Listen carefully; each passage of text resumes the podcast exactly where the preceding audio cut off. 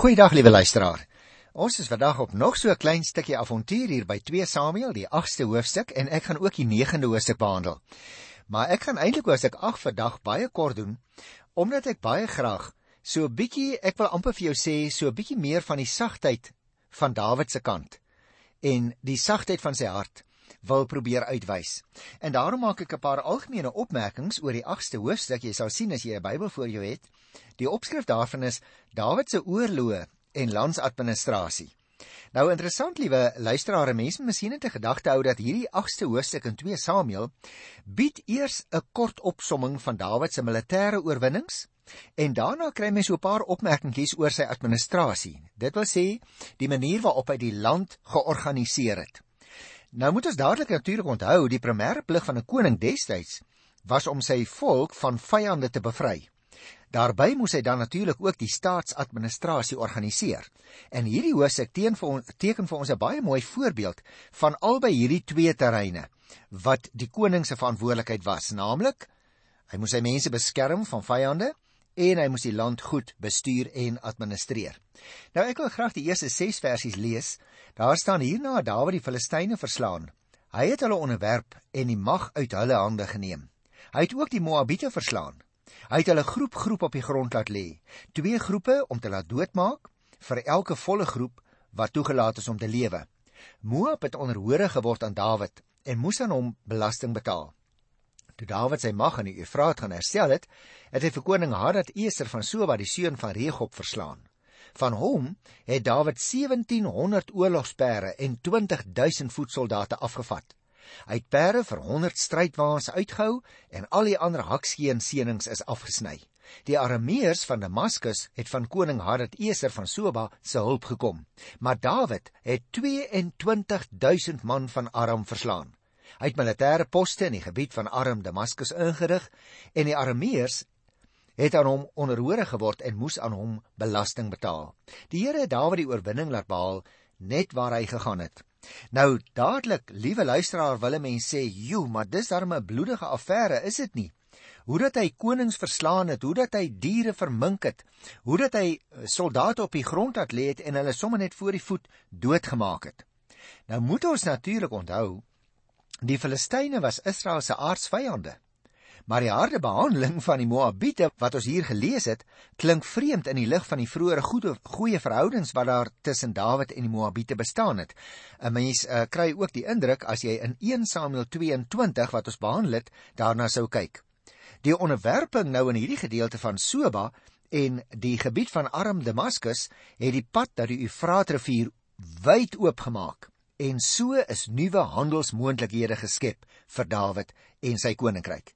Die militêre poste het natuurlik sy belange beskerm en toegesien dat die belasting betaal word. Al hierdie oorwinnings is aan die Here te danke. Nou dan is daar 'n klompie verse wat nou 'n hele klomp name noem en daarom gaan ek net die teks verder lees van vers 15 af. Dawid was koning oor die hele Israel en hy het sy hele volk met reg en billikheid geregeer. Joab, die seun van Seruja, is aangestel oor die weermag en Josafat was hoof van die uitvoerende beampte. Sadok en Ahimelek was priesters en Seraja was staatssekretaris. Jojada is aangestel oor die koning se Filistynse wag.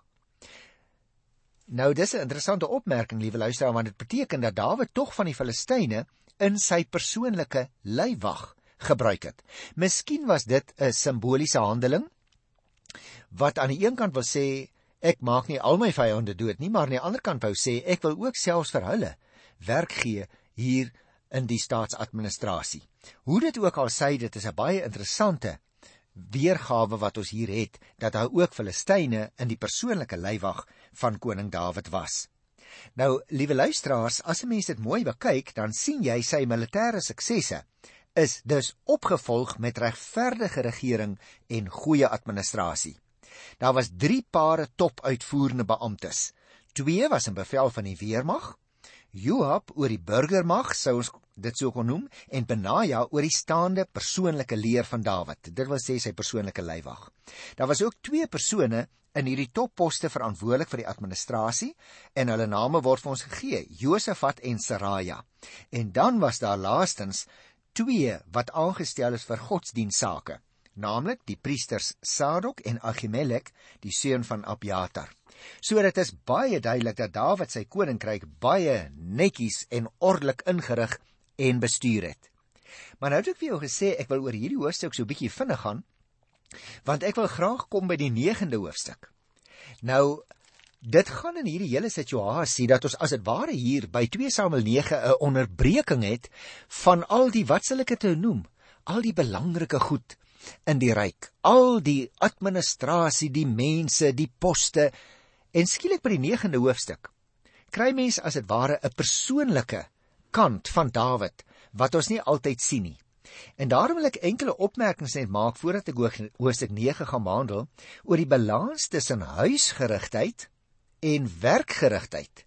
En vir alles aan nou paas is wat uh, besig is om erns te ry in 'n motor en miskien ingeskakel het op ons program, dan uh, moet ons manne dink ek dikwels uh, baie skuldig pleit oor hierdie sake. Jy sien, Dawid se probleme is oneindig vererger juis as gevolg van die wanbalans tussen sy koningskap aan die een kant en sy vaderskap aan die ander kant. Dis as dit ware asof sy werk tussen hom en sy familie te staan gekom het. Dawid moet ons onthou was 'n baie baie suksesvolle koning. Maar hy was in baie opsigte as vader 'n mislukking omdat hy baie kere teenoor sy kinders heeltemal verkeerd opgetree het. En dit het natuurlik nie net sy huisgesin benadeel nie hoor, maar ook sy koningskap indirek beïnvloed, negatief ongelukkig. Nou moet ons onthou, liewe luisteraar, 'n mens se beroep, hoe belangrik dit ook al is, mag nooit nagejaag word ten koste van jou gesin nie. O, en as ek dit sê, dan word ek self skaam daaroor hoor. Want jy sien beroepssukses moet op die vaste fondament van gesinsukses staan. Mislukkings en ongeluk in die huis het altyd nadelige gevolge ook in die beroepslewe. En daarom is die prioriteit in die huis en in die familiekring baie belangrik. En as ons die huis en die familie afskeep, dan moet ons te wagte wees eintlik dat ons ook in ons beroepe bietjie gaan skade ly en dat ons huisgesin en ons kinders uiteindelik ook dikwels baie groot skade ly en ons kom dit dikwels eers te laat agter. En daarom wil ek so 'n bietjie meer aandag gee aan hierdie gedeelte wat ons hier kry in 2 Samuel by die 9de hoofstuk. Die opskrif daarvan is Dawid neem Mefiboset onder sy sorg. Nou Mefiboset was natuurlik 'n uh, familielid van hom. En ek wil graag hê dat ons so 'n bietjie aan hierdie gedeelte moet aandag gee want eintlik is 'n is dit 'n wonderlike verhaal. Kom ons lees vers 1. Op 'n dag het Dawid gevra: "Het daar nie miskien iemand uit Saul se familie oorgebly nie? Ek sou hom graag onder my sorg wil neem ter wille van Jonathan." Nou kom ek vertel jou die breë verhaal net so 'n bietjie in breë lyne want ek dink dit is vir ons belangrik om hierdie tussentafereel wat ons hier in 2 Samuel 9 lees beter te verstaan.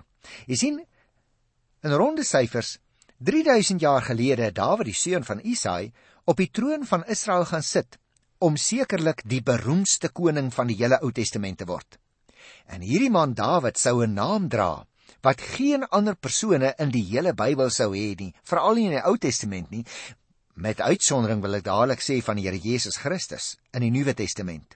Maar jy sien, soms in die Nuwe Testament word selfs die Here Jesus die seun van Dawid genoem, wat vir jou 'n aanleiding gee van hoe 'n beroemde man hierdie koning Dawid was.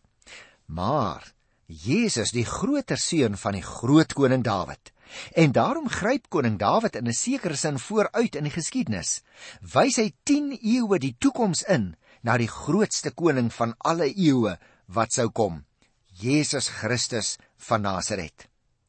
En daarom, liewe luisteraar, as 'n mens nou so as 'n tussengebeure, miskien die Bybel so vinnig sou oopmaak by Matteus 25, Dan sal jy daar lees en jy hoef eers oop te maak, ek is seker jy ken dit sommer uit jou kop. Dan as jy daar lees hoe dat die Here Jesus praat oor goed doen aan ander mense.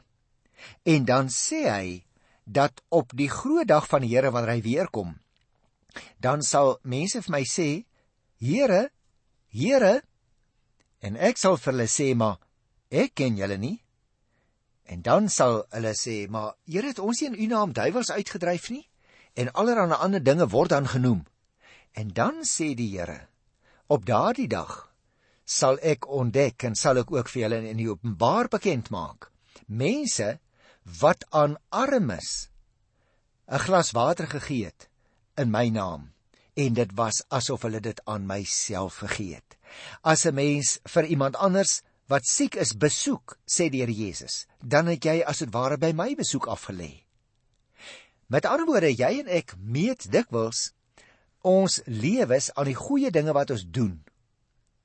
Maar ons laat na om in te sien dat ons eintlik instrumenteel in die Here se hand is, dat ons as dit ware vir iemand anders die Here kan verteenwoordig teenoor iemand wat siek is en andersins. Nou iets daarvan wil ek vir jou sê, kry ons hierso in 2 Samuel 9 en 'n mens verwag dit eintlik nie van hierdie groot Dawid wat so 'n belangrike militaris was nie.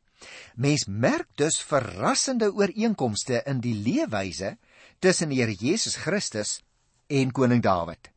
En dit is baie belangrik hoor, want 'n mens raak daarin betrokke omdat dit gaan oor die tweede tafel van die wet in die praktyk. Met ander woorde, liefde teenoor medemense. As jy dit so sou wou noem, barmhartigheid, saghartigheid as jy wil aan ander mense, waarvan die Here Jesus sê, as jy dit doen, dan is dit asof jy dit aan myself gedoen het. Dit handel dus oor ons verhouding teenoor ons medemense.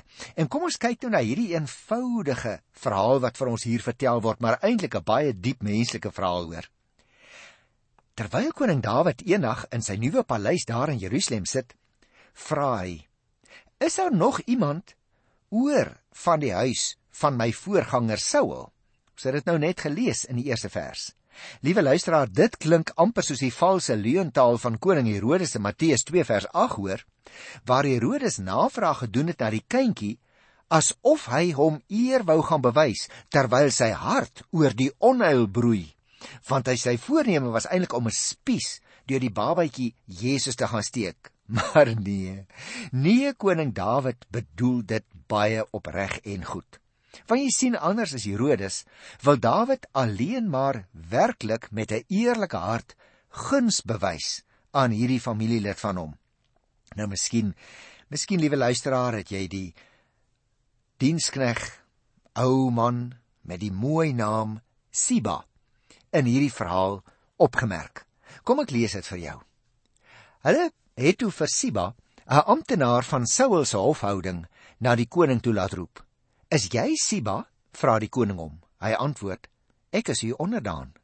Is daar nie miskien iemand uit Saul se familie oor nie? wou die koning weet. Ek wil hom 'n besondere guns bewys. Daar is nog 'n kreupelseun van Jonathan, was Siba se antwoord aan die koning. Hy word hierdie ou man Siba word is geroep en hy kom buig voor die koning, stel ek my dit so voor. Die koning begin blaai dan as dit ware in die dowwe geel bladsye van hierdie ou knegg se herinneringe. Maar as Dawid sy gedagtes oopblaai by die bladsy oor Mefiboset, dan skrik Siba skielik. Sê nou die koning wil Mefiboset ook laat slag. Mefiboset, die gebreklike kind van Dawid se ou vriend Jonathan. Nou, liewe luisteraar, die Bybel vertel vir ons soos ek 4 by vers 4 dat hierdie seentjie van Jonathan maar 5 jaar oud was toe sy oppasser met hom gevlug het. En in haar haas het arme klein Mefiboset geval en lam geword. Voortaan sou hy altyd moes wegkruip en op die vlug wees. 'n Straathond met gebleklike voete ook nog daarbey, ster tussen die bene as dit ware. Maar nou op hierdie wonderlike dag, 7 jaar na daardie ge gebeurtenis waarop die uh, oppasser met ons vlug, toe Mefiboset 12 jaar oud was, word Dawid as die nuwe koning erken. En dan op 'n dag, eers lank daarna, wanneer hierdie einste Mefiboset selfs al die vader geword het van 'n jong seun, so lees ons in 12de vers, blaai die koning sy naam oop in die gedagtes van die ou dienskneg met die mooi naam Siba. Daarom begryp mense die onrus van hierdie ou man wat sê, daar is nog 'n seun van Jonathan.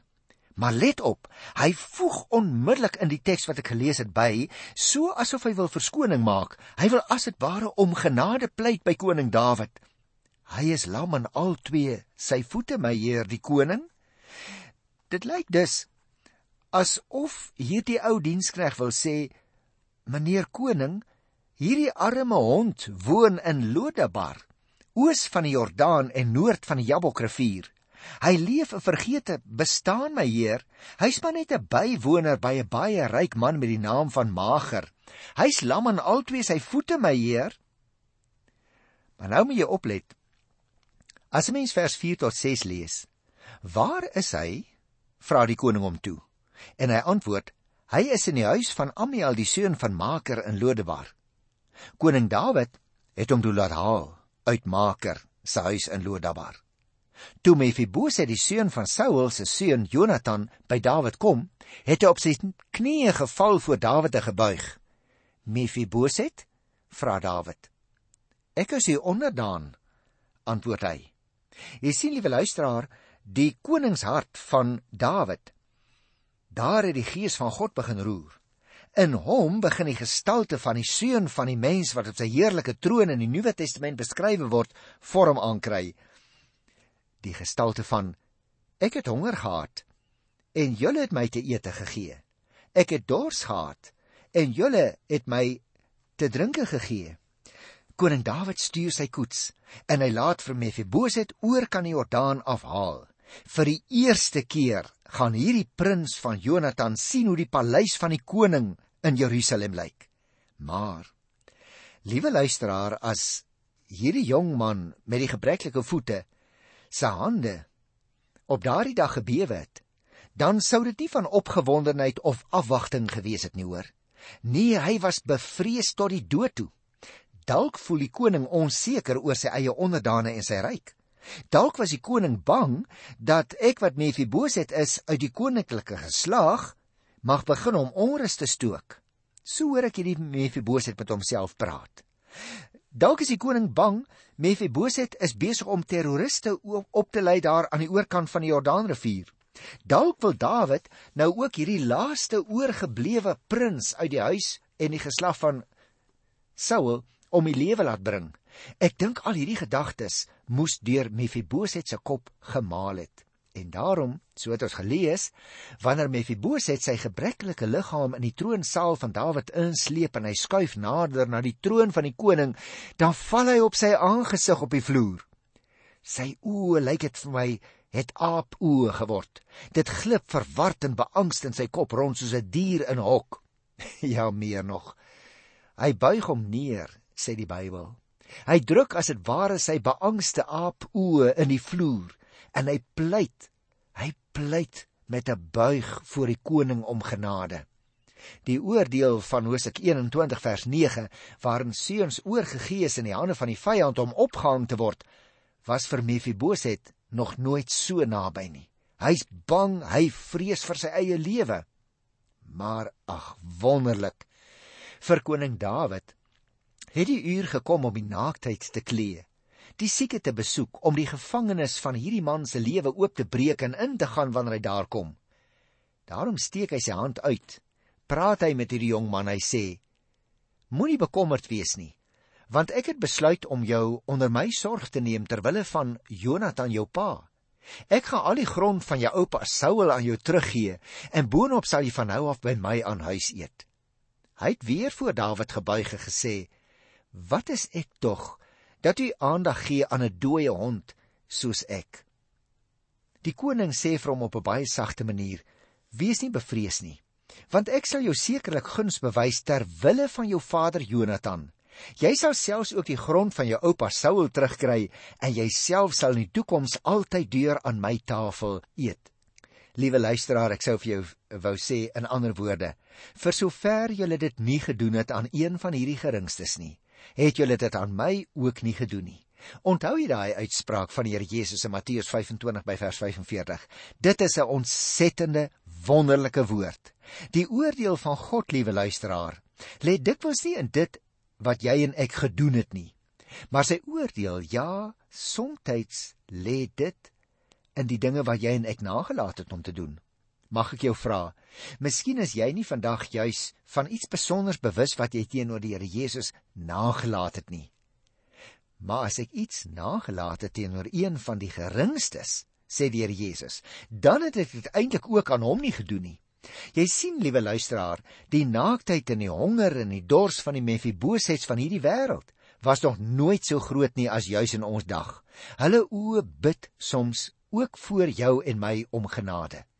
Terwyl ons die evangelie, die woord en die brood van die lewe veilig in ons harte bewaar en dit nie met hulle deel nie. Maar let op nou in ons verhaal, dinge kan verander. Mefiboset buig hom neer en hy begin weer praat. Dawid, so lees ek van vers 9 af, het vir Siba, die amptenaar van Saul geroep en hom beveel: "Alles wat aan Saul en sy familie behoort het, gee ek aan sy kleinseun Mephiboset.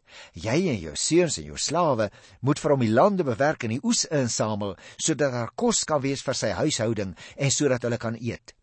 Maar Mephiboset, die kleinseun van Saul, sal van nou af by my aan huis eet." Siba het 15 seuns en 20 slawe gehad. Hy het die koning geantwoord: Ek is u dienaar en ek sal doen net soos die koning my beveel het. En Mefiboset sal by u aan huis eet soos u eie kind. En dan sê vers 12 en 13: Mefiboset het 'n klein seentjie gehad wie se naam Micha was. Die hele huishouding van Siba moes vir Mefiboset bedien. Mefiboset wie se voete gebreklik was, het in Jerusalem gebly want hy het van toe af by die koning aan huis geëet. Wat 'n wonderlike verhaal. Hierdie Mefiboset is so oorstelp, hy begin om te sê, "Wat is u dienaar dat u na dooie hond soos ek is omgesien het?" Jy sien die aapoë van hierdie dienskneg Mefiboset het nou skielik rustig en stil geword in sy kop. Hy het vrede gekry by die koning ter wille van sy vader Jonathan. Mag ek jou 'n vraag vra? Wanneer laas, liewe luisteraar, het jy ook voor die Here gebuig om te sê, "Wat is u dienaar dat u na 'n dooie hond soos ek is omgesien het deur Jesus Christus?" Immers luisteraars, jy en ek lewe uit genade. Dit is onverdiende guns alleen. O, ek sou baie graag in die oë wou kyk as dit vir my moontlik was wanneer jy daar na die radio sit en luister. Of jy nog onrustige aap oë het en of jou oë al rustig en vol vertroue is. Luister na Johannes 14 vers 27, liewe luisteraar. Vrede laat ek vir julle na. My vrede gee ek aan julle. Nie soos die wêreld gee, gee ek aan julle nie. Laat julle hart nie ontstel word en bang wees nie. Luisteraar, dis redelik maklik om voor die Here te staan en te sê ek is jammer. Dis maklik om 'n offergawe selfs te bring en die Here te groet tot volgende maand of tot aanstaande jaar selfs, maar wie jy? Om voor jou naaste te staan en te sê ek is jammer. Dis mos nou nie altyd so maklik vir jou vir my nie, nie waar nie. Om jou naaste lief te hê soos jouself. Om 'n hand, helpende hand uit te steek, dit word al 'n bietjie moeiliker, maar wie wat? Om voor God te gaan staan en hierdie volgende woord te vat en dit te gaan doen. Dit is vir my persoonlik dikwels die moeilikste van dit alles. Vir sover jy dit nie gedoen het aan een van hierdie geringstes nie, het julle dit aan my ook nie gedoen nie. Verstaan jy wat ek probeer sê? Die vrede van die Here sny baie dieper in mense lewe in. Om van aapoe oor te gaan na oë waarin vrede rustig en eg lê. Vra van my en van jou hin opnuut buig voor die prins van alle vrede. As jy en ek hom wil klee en hom wil voed en hom wil besoek, dan moet ons vandag eers na ons naaste kyk. Ek moet onthou hoe ek nie die Here dien nie. Ek moet onthou waar ek die naaste kan dien. En in God se oog is dit asof ek aan homself goed gedoen het. En daarom is dit so wonderlik as ons lees dat Dawid nog een keer die ou knegt Siba geroep het. Voortaan sê hy: "Moet jy en jou 15 seuns en jou 20 slawe vir Mefiboset versorg." Wat wil ek vir jou sê? Net soos wat Dawid vir Mefiboset genadig was op grond van sy vriendskap met Jonathan, Mefiboset se pa. Net so, nie wie wat baie baie beter is God ons Vader vir jou en vir my genadig op grond van ons verhouding met Jesus Christus. Mag ek jou een vragie vra? Staan jy al in so 'n verhouding met die Here Jesus? Want as jou verhouding eg en diep is, dan sal jy in sy naam ook aan ander mense goed doen en die Vader sal oor jou glimlag wanneer hy na jou kyk. Ek groet jou in sy wonderlike naam tot volgende keer. Tot dan. Totsiens.